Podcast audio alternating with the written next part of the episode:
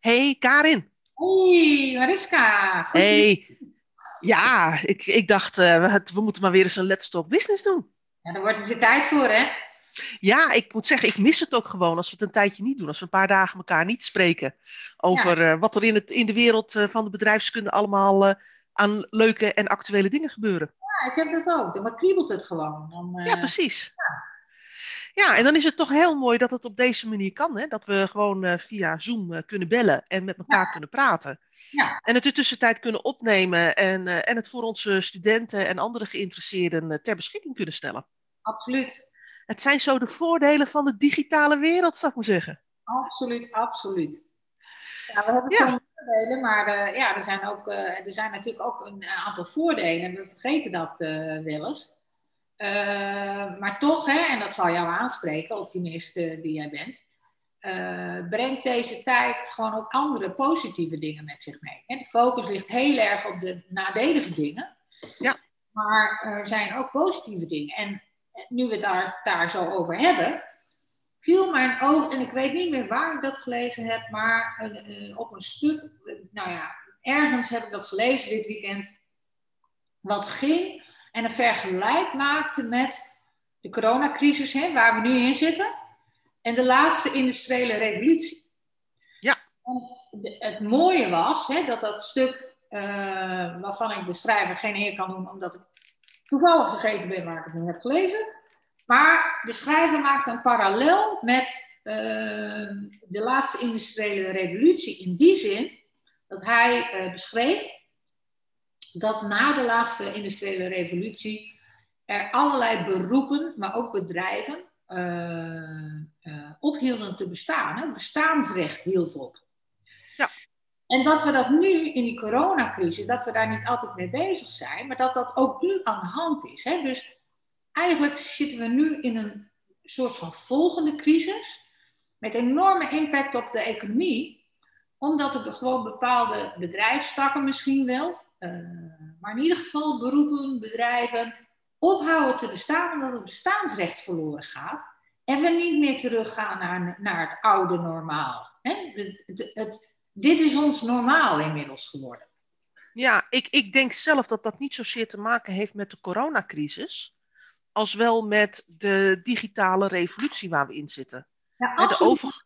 Maar de coronacrisis heeft het in mijn optiek heel zichtbaar gemaakt en een versnelling in aangebracht. Ja, die versnelling absoluut. Ik, ik, ik denk dat, deze, uh, dat we met elkaar onderschatten wat, uh, wat er aan versnelling is door, uh, nou, dat, doordat we met corona, door corona, allemaal thuiswerken, op afstand werken, ja. minder nationaal en internationaal reizen en elkaar toch nou ja, via dit soort media gewoon zien. Ja, om de business gewoon door te laten gaan. Ja, en, en uh, nou, ze zeggen altijd hè, van hoe, hoe lang duurt het voordat dat organisaties en gewoontes met name, hoe lang, hoe lang duurt het voordat gewoontes veranderen? Nou, daar zijn de meningen wat over verschil tussen drie maanden en zes maanden. Uh, maar inmiddels zijn we de zes maanden al voorbij en we zijn voorlopig nog niet toe aan terugkeren naar normaal op kantoor werken. Nee. Dus ik denk dat we met elkaar, uh, met alle hiccups die er zijn en alle voor's en tegens en alles wat we nog uit moeten vinden, maar dat we echt ook wel naar een, uh, naar een toestand gaan dat we uh, dit eigenlijk wel normaal gaan vinden. Ja, klopt. En dan mag je voor of tegenstander zijn. Je mag snel om, uh, veranderingen omarmen of niet snel dingen omarmen. Ik bedoel, ik vind het heerlijk. Ik, ik werk al een half jaar op mijn, op mijn UX-pantoffels. Ja. ja, ik bedoel, blijer dan dat kun je mij niet maken, roep ik dan maar even. Nee, maar het... Hè? En ik mis de mensen en het contact met Ja. mensen. Het gepraat, Ja. maar ook het geklets, hè, het informele geklets. Ja, en ik moet heel eerlijk zeggen dat, eh, eh, eh, dat voor mij dat ook prima werkt online. Ja, Hè? Ik bedoel, als ik nou gewoon de hele dag alleen maar aan het werk ben op mijn eigen kantoortje, dan is dat, dan, dan, zeg maar, dan, dan wordt je wereld heel klein. Ja. Ehm, maar ik spreek heel veel mensen op deze manier. En dat hoeft niet altijd een, een hele doelgerichte zakelijke bespreking te zijn. Dat gaat ook over, ik noem het maar eventjes het praatje pot. Over hoe was de vakantie en hoe was je weekend en eh, hoe gaat het eigenlijk met je? Ja. Hè, dat. Ja. En ik denk dat wij, als we nog een half jaar op deze manier met elkaar werken, en dat, zo ziet het er wel naar uit, dat het al, al een heel stuk normaler is voor mensen die in het werkende proces zitten. Hè? Laat ik dat er even bij zeggen. Ja. mijn moeder, die niet meer in het werkende proces zit, die krijgt dit allemaal niet mee. Nee. Die vindt, die, die, haar wereld wordt echt heel veel kleiner. Ja. En dat heb, En je natuurlijk, dat heb je natuurlijk, dat moeten wij denk ik niet onderschatten, omdat wij in een bepaald ja, segment van de maatschappij opereren, dat er toch wel heel veel mensen zijn die, wiens wereld veel kleiner wordt. Ja, dat denk ik ook. En ik denk dat dat heel makkelijk is om te vergeten. Ja. Maar goed, we dwalen een beetje af. Wel heel interessant. Maar ik probeer de lijn van, van eh, datgene wat ik gelezen heb toch even vast te houden. Ja. Heel goed. Eh, wat ik las, was dus hè, dat Allah die laatste industriële revolutie, en dat vind ik namelijk heel erg interessant om met jou eens even over van gedachten te wisselen. En niet alleen dus bedroepen, bedrijven, dus mogelijk bedrijfstakken verdwijnen, maar dat er ook nieuwe ontstaan. Ja. En waar ik het met jou eens even over wil hebben, wat ontstaat er dan in onze optiek? Hè? Wat gaat, wat krijgt meer aandacht? Of gaan we meer doen? Of eh, hè, wat zijn nieuwe dingen die ontstaan? Waarin we mogelijk eh, de overgang van de ene economie naar een andere economie eh, kunnen rechtvaardigen en kunnen vinden. Zullen we Ja. het daar even over hebben met elkaar? Nou, ik, ik heb daar wel een beeld bij. Ik, ik denk dat alles wat met creativiteit te maken heeft, dat dat zo'n eh, categorie is die we nou misschien ooit op termijn wel eens een keer in algoritmes kunnen vatten. Ja. Maar waar we voorlopig in ieder geval de komende decennia nog op mensen moeten vertrouwen om creativiteit te hebben. Ja. Dus eh, ehm, ik noem het maar eventjes buiten het algoritme denken. Ja. En weet je wat ik nou zo bijzonder vind, Mariska?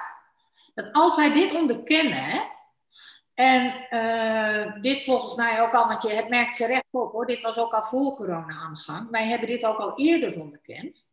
Dat ons onderwijs nog volledig is ingericht op samenwerken, op de competentie samenwerken.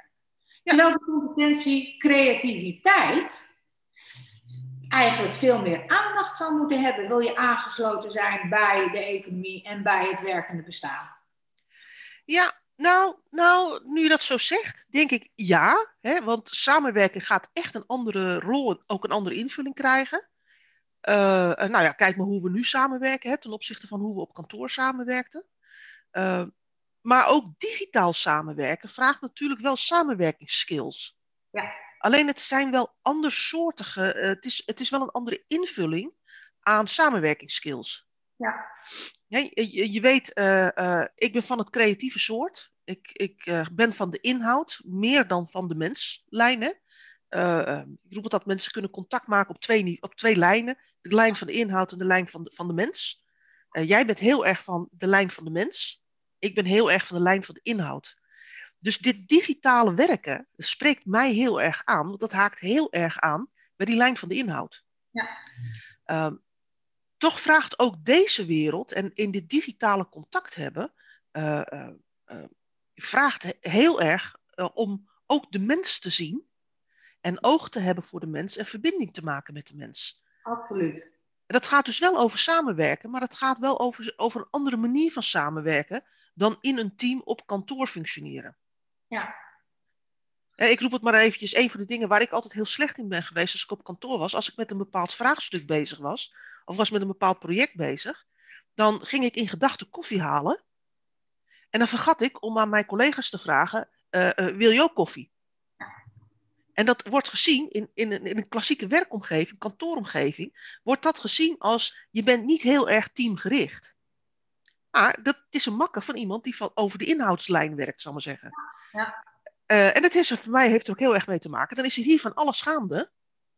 En dan, is, dan, staat, dan heb ik daar gewoon, dat bestaat voor mij even niet. Nee. Oh, Ik roep het maar, is geen onwil. Maar ik wil voor jou geen koffie halen. Maar het is gewoon, mijn, mijn brein is bezet met andere dingen. Ja. En dat, en dat, eh, eh, dat maakt voor mij, zeg maar, dit digitale contact misschien wel makkelijker. Aan de andere kant is het ontzettend belangrijk om juist nu ook, digitaal gesproken, eh, eh, bewust te zijn dat je met mensen werkt. En dat het dus ook gaat over het maken en het leggen van die verbinding. Want als je het he- alleen over de inhoud hebt, dan kan onderstroomsentimenten heel makkelijk ontstaan. Ja, precies. Dus ik denk dat samenwerken wel een belangrijke competentie blijft, maar dat het wel een andere vorm van samenwerken is. Ja, ben ik met je eens. Maar in de zwaarte van hè, waar zou je nu de overwegende aandacht aan moeten geven, denk ik dat je in dit digitale tijdperk veel meer moet gaan kijken naar uh, creativiteit. En ik ga je daar een voorbeeld bij geven. Ik ben benieuwd of je dat eens bent of dat je zegt van nou, dat ziet er anders zo.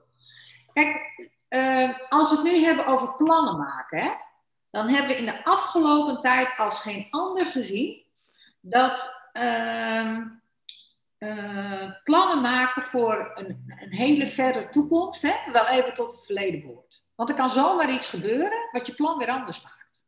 Hè? Ik weet niet hoe, uh, we zijn uh, nu nog in een redelijke open wereld op dit moment. Maar het zou best kunnen zijn dat we op, over twee weken in een complete lockdown zitten. Ik weet het niet.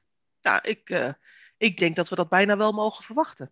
Ja, dus dat betekent dat wij, als je het hebt over ondernemen, veel creatiever moeten zijn in de zin van als, als dit pad hè, afgesloten wordt door externe omstandigheden, welk pad kan ik dan bewandelen en kan ik snel oppakken om vervolgens mijn continuïteit wel veilig te stellen?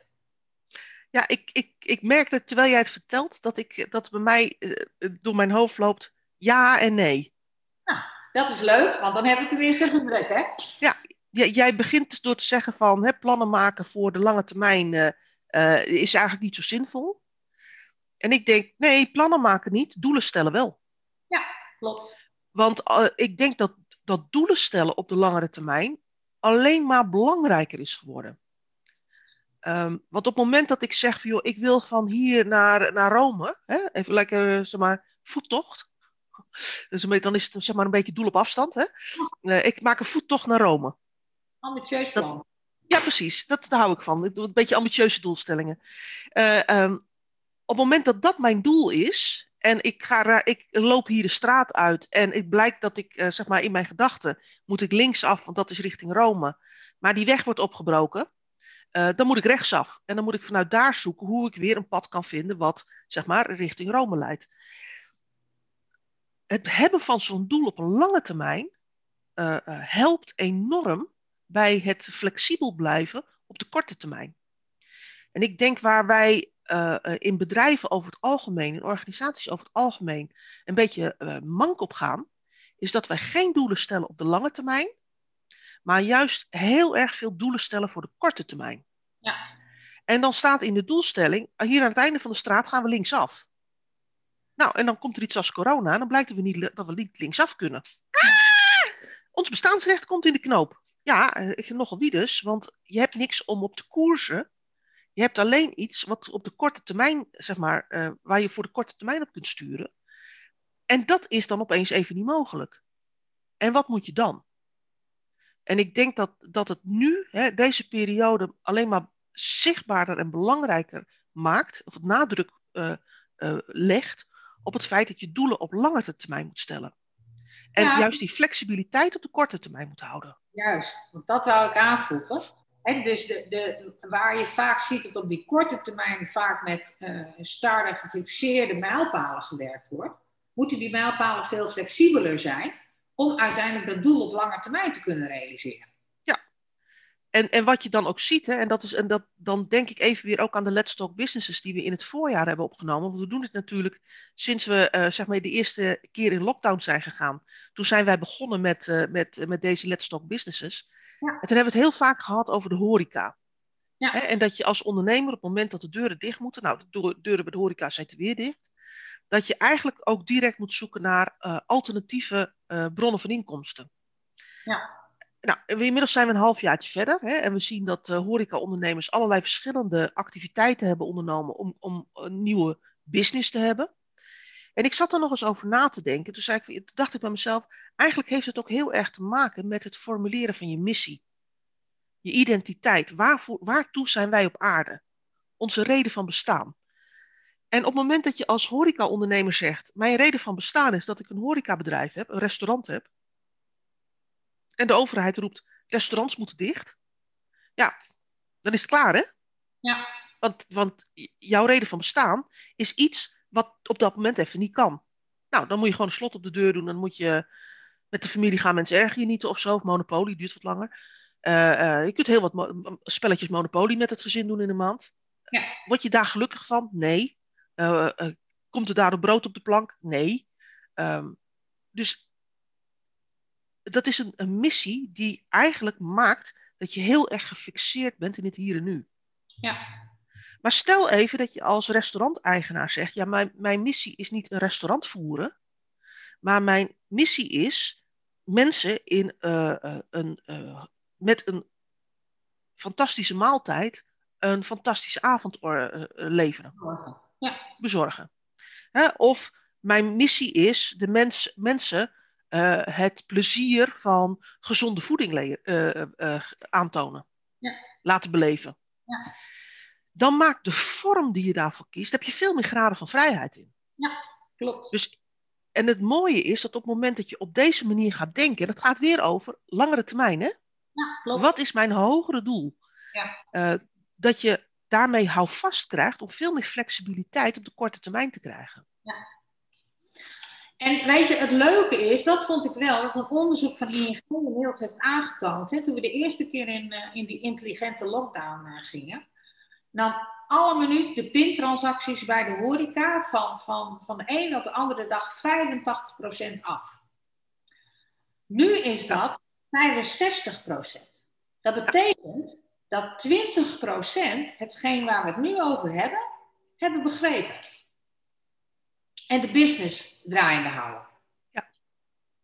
Even over de duim, hè, want dat zal uh, iets anders liggen. Maar in ieder geval, het aantal pintransacties is minder laag dan dat de vorige keer uh, er aan de hand was. En dat vind ik hoopgevend. Ik las een interview met de nieuwe eigenaar van Beluga uh, in, in, Maastricht. Hè. Daar heeft mijn dochter gestudeerd, dus daar, daar, daar zijn wij in de afgelopen jaren een aantal keren geweest. en die zegt ook, in, in het voorjaar had hij de tent net overgenomen.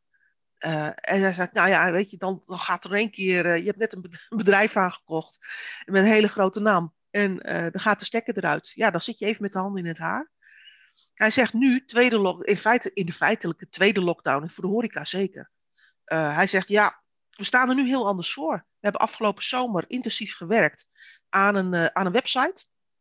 En aan thuisbezorgmenu's en afhaalmenu's. Uh, en uh, uh, in principe kunnen we de dag na de afkondiging van de lockdown kunnen we live. En dat is dus een ondernemer die nadenkt over waartoe zijn wij op aarde. Precies. En verschillende manieren heeft gevonden, bedacht, om daar invulling aan te geven. Ja. En dat betekent dat je flexibiliteit krijgt. Ja. Dit, dit denken, dit is volgens mij voorbehouden aan mensen. Klopt.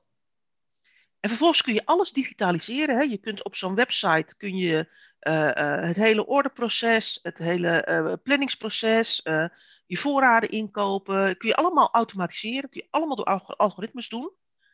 Maar dit, hè, dit schakelen tussen op welke manier ga ik nou mijn bestaansrecht vullen, ga ik mijn doel bereiken als organisatie, dat is volgens mij, dat, dat blijft in ieder geval de komende decennia, blijft dat, blijft dat mensenwerk. Ja, ben ik mee eens. Hey, als we nou eens verder in de economie uh, duiken, hè, want we hebben de horeca gehad en ik denk dat we daar mooie constateringen over, uh, over hebben gedaan. Uh, dan zou je ook kunnen zeggen, ja, in de logistiek zou het aantal banen wel eens kunnen toenemen. Er zijn veel logistieke bewegingen in het kader van het afgesloten zijn en het moeten bezorgen, want mensen gaan toch ook dingen kopen, dingen bestellen, dingen. Ja. Het gaat op een andere manier, maar bewegingen zijn er wel. Hoe kijk je daarnaar? Ik denk dat we door uh, alles wat er nu gebeurt, dat we eerst een, korte termijn piek krijgen in het aantal banen wat er in de bezorging komt. Want we gaan veel meer thuiswinkelen, we gaan steeds meer afhalen. De, en daar zijn mensen nodig om dat te bezorgen. En ik denk dat we al heel snel, en die, en, die, en die ontwikkelingen zie je al, dat we daar ook naar een digitalisering gaan. We gaan naar, uh, nou, Amazon is in, in Londen al aan het testen met drones om bezorging te doen. Ja. Uh, naarmate het volume groter wordt in bezorging, uh, uh, gaan er ook steeds meer gecombineerde ritten komen. Hè? Ja. als je kijkt, wederom Amazon, ja, ik, het, blijft wel een bedrijf wat dit soort dingen heel goed kan. Dus daarom gebruik ik dat ook vaak als voorbeeld. Ehm, bij Amazon is het, kun je maaltijden bestellen. Ja. En kun je ook levensmiddelen bestellen, hè, want ze hebben natuurlijk een levensmiddelenketen aangekocht. Ja. En in principe, als jij zeg maar woon-werkverkeer hebt, nou ja, in Londen ben je al snel een half uur tot een uur onderweg om van je werk naar, naar huis te komen. En je bestelt, je bent nog op kantoor, je bent je computer aan het afsluiten, je denkt, wat wil ik eten? Wil ik zelf koken? Wil ik kant-en-klaar eten hebben? Ik log even in bij Amazon en ik bestel alles wat ik daarvoor nodig heb. Ja. Dan staat in principe je eten klaar op het moment dat jij thuis komt. Ja. En dat doet Amazon niet zoals we hier thuis bezorgd, zal ik maar zeggen. Ik heb gisteren hebben wij toevallig uh, wat gehaald bij ons favoriete Tex-Mex restaurant. Ja. En, en, die bezorgt niet waar wij nu op dit moment in onze tijdelijke huisvesting zitten. Dus daar moeten we even heen rijden. Ja. En dan zit je daar en dan, zij zijn heel groot in afhaalmenu's. Mm -hmm. uh, maar dat, daar gaat dus een bezorger van thuisbezorgd, gaat met één maaltijd in zijn tasje op weg om dat weg te brengen en komt weer terug om de volgende bestelling te halen. Ja. Dat is een hele arbeidsintensieve manier van, van bezorgen. Ja. als je nou kijkt naar de ontwikkelingen bij Amazon, die zegt van oké, okay, ik, ik, pak alles wat dit, deze vijf minuten binnenkomt aan opdrachten voor een bepaalde wijk, die zet ik bij elkaar en ik maak daar een gecombineerde rit van.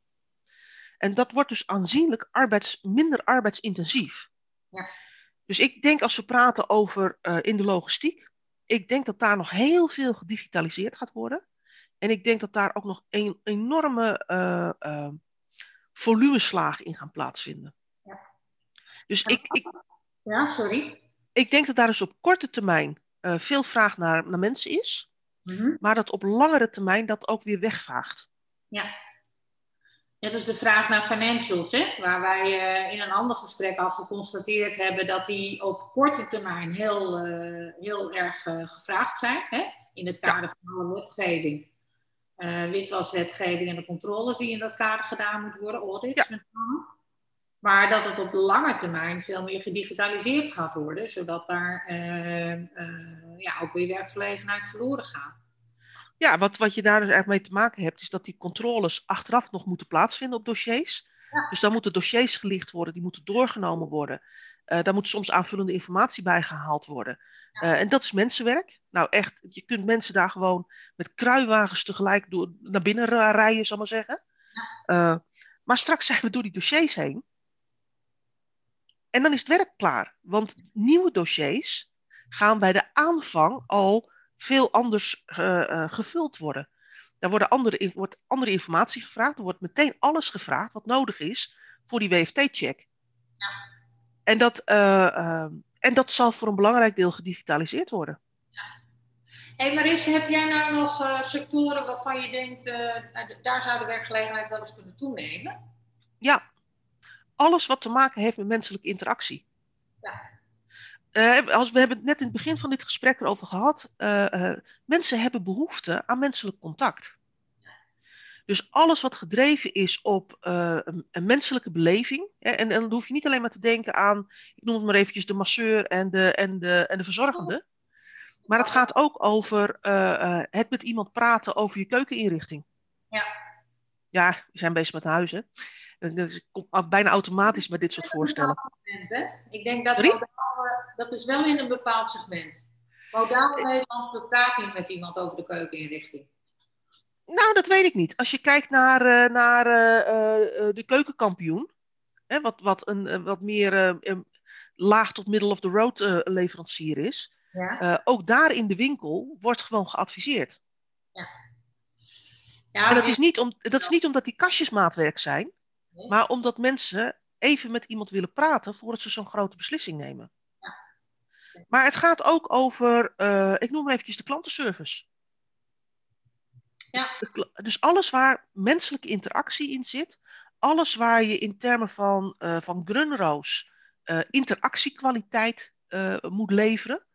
En dat zit zowel in business to consumer als in business to business. Ja, klopt daar, hè, die interactiekwaliteit, ik denk dat we er nog lang niet aan toe zijn om dat te digitaliseren. Nee. Ik vind het mooi dat je Grunroos even aanhaalt, omdat dat denk ik een hele uh, toepasselijke bedrijfskundige denker is in het kader van dit, uh, dit gesprek. Ja. ja, het is natuurlijk een van mijn, van mijn favoriete denkers ook. Ik ben uiteindelijk marketeer en, dat, en dat, dat, dat denken van Grunroos over kwaliteitsperceptie. kwaliteitsbeleving. Dat, dat, dat denk ik dat dat heel belangrijk is. En ik denk ook als je kijkt naar het model van Grunroos, die zegt je hebt technische kwaliteitselementen en je hebt interactiekwaliteitselementen. Ik denk dat die technische kwaliteitselementen, die zullen uiteindelijk allemaal gedigitaliseerd worden. Ja. Want daar is geen voordeel in te behalen om daar mensen op te zetten. Nee. Dus alles wat interactiekwaliteit is, daar zullen mensen bij nodig blijven. Precies. Omdat wij mensen nou eenmaal het lekkerste interactie hebben met mensen. Ja, en minder met de robot.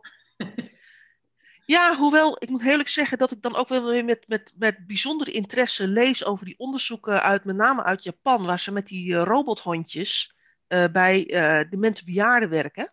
Ja. en, en uiteindelijk, roep ik maar, hè, als, als de mens ontdaan is van al zijn schillen, um, blijken we dus ook heel goed in staat te zijn om verbinding te creëren, om ons te verbinden met een robothondje.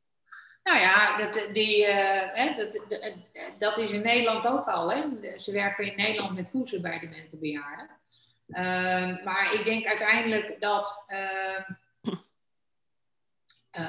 daar gaat het wel in de nabootsing en de simulatie van een echte kat. Op het moment dat je ja, als mens interactie uh, heel erg plezierig uh, vindt en alle beroep, hè, hulp, advies, uh, sparring, maar ook beleving, hè, wat je zegt. in jouw woonplaats is net een Indonesisch, bekend Indonesisch restaurant failliet gegaan. Ja.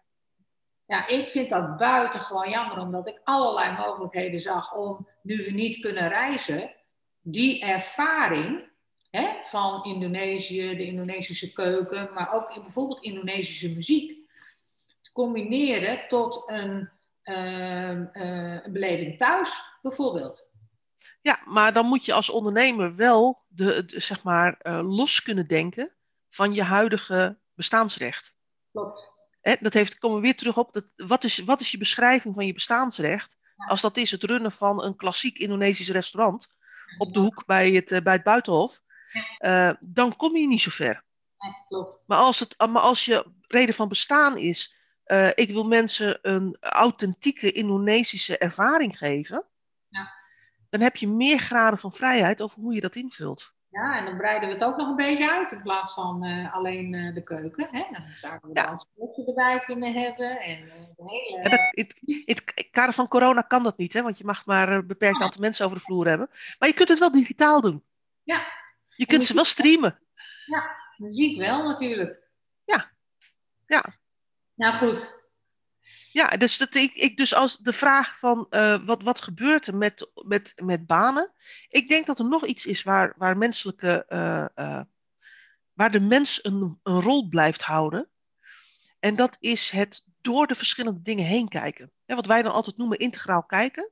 Ja ik denk dat integraal kijken ook heel lastig te digitaliseren is. Omdat dat ook een, een, een vorm van intuïtie met zich meebrengt. En oog hebben voor onderstroomactiviteiten.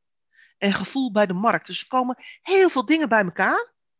En ik denk, uh, uh, als dat gaat over heel veel kenniscomponenten bij elkaar brengen, dan, dan ben ik heel eerlijk om te zeggen, dan denk ik dat, uh, de, dat de machine of het algoritme dat beter kan dan een mens. Ja. Denk even aan Dr. Watson. Maar als het gaat over niet-kenniscomponenten, maar het gaat over uh, uh, uh, onderstroomactiviteiten. Sorry? Cultuur. Ja, bijvoorbeeld cultuur, maar ook het, de reactie van medewerkers, ja. de reactie van klanten, ja. koppelen aan grotere bewegingen op de markt in andere branches. Ja. Dat dat iets is wat voorlopig ook nog wel echt een mensending blijft. Ben ik met je eens. Nou. Daarom, daarom, is het ook zo belangrijk en daarom stimuleren wij dat ook altijd bij onze studenten. Uh, om vooral breed uh, uh, macro-analyses te doen, omgevingsanalyses te doen. Ja. Dus kijk niet alleen in je eigen tak van sport. Maar ja, weet je, dat, dat weet iedereen wel. Maar kijk vooral ook wat er in andere werelden gebeurt. Ja, dat is en zoals wij, zoals wij het er net over hebben gehad, hè, als je kijkt naar distributie. Als je kijkt, als je in de distributie werkt en je kijkt alleen maar naar de, de ontwikkelingen in de vraag en, en iedereen voorspelt dat dat nog wel even door blijft groeien, dan zeg je, ik zit in een goede business. Ja. Aan de andere kant, als je dan kijkt naar nou ja, bijvoorbeeld Amazon, wat Amazon in Amerika en in uh, de UK doet. Dan denk ik van. Dat is, hè? Ja, dat is, dat is retail en dat is techniek. Uh, dat is dus een hele andere tak van sport. Maar je ziet daar al wel bewegingen gebeuren, die uiteindelijk ook in Nederland gaan gebeuren. Nederland blijft natuurlijk een klein landje. Zeker. Als je ergens, als je ergens uh, snel een, uh, een, een, nationaal uh, dekkend netwerk in alternatieve distributie kunt creëren, dan is dat in Nederland. Want wij wonen al met heel veel mensen heel dicht op elkaar. Ja, en ik zou willen beweren dat de noodzaak, hè, dus de sense of urgency, met name ook heel erg in Nederland gevoeld wordt. Omdat wij natuurlijk, doordat we met zoveel mensen op elkaar wonen en zoveel bewegingen hebben, transportbewegingen hebben, wij een enorme fileproblematiek hebben. Ja, en, en tegelijkertijd hoor je ook van. Voegt daarbij ook nog eens de noodzaak om aan klimaatdoelstellingen te voldoen. Voilà. I rest my case, zou ik bijna willen zeggen. Ja, en wij zeggen altijd van, weet je, in een klein Nederland, ik, ik, tenminste, ik lees heel vaak, hè, in een klein land als Nederland zijn geen uh, uh, uh, tijdswinsten te halen door alternatieve distributie. En ik hoor van de week op het journaal dat we met, met coronapatiënten weer gaan herplaatsen naar andere ziekenhuizen. En er wordt een, iemand verplaatst van Rotterdam, volgens mij naar Almelo. en die werd met een helikopter verplaatst. En die helikopterverpleegkundige, die zegt van, ja, normaal via de auto als er geen files staan, doen we er 2,5 uur over. En nu doen we er 23 minuten over. Ja. Dus er zijn echt nog wel, ook in een klein land als Nederland, zijn echt nog wel heel veel ook tijdswinsten te behalen. Door, door breed te kijken naar iets als distributie. En dat gaat ook echt gebeuren. Ja. Nou ja, goed. Ik denk dat de tijd te kort is om uh, alle takken van sport uh, die onze economie rijk is uh, te behandelen. Maar ik denk dat we een leuke aftrap hebben gegeven om ook eens te kijken van ja, wat zijn nou, wat zijn nou voor de gevolgen van die crisis hè? en welke positieve effecten heeft dat en hoe kun je dat nou inschatten? Waar komen ja. de banen en waar niet? Uh, en hoe zou je dus in het verlengde daarvan daar dus ook op voor kunnen bereiden? Ja, dat, dat, dat denk ik ook. Dat denk weet ik ook. Weet je wat altijd een goede voorbereiding is? Nou? Een MBA volgen. Ja, nee, dat is absoluut waar. Vooral bij ons. nou gaan we stoppen, want dan gaan we flauw worden. het is wel waar, maar desondanks. hey, we spreken elkaar. Doen we. Tot kijk. Oké, okay, doei doei.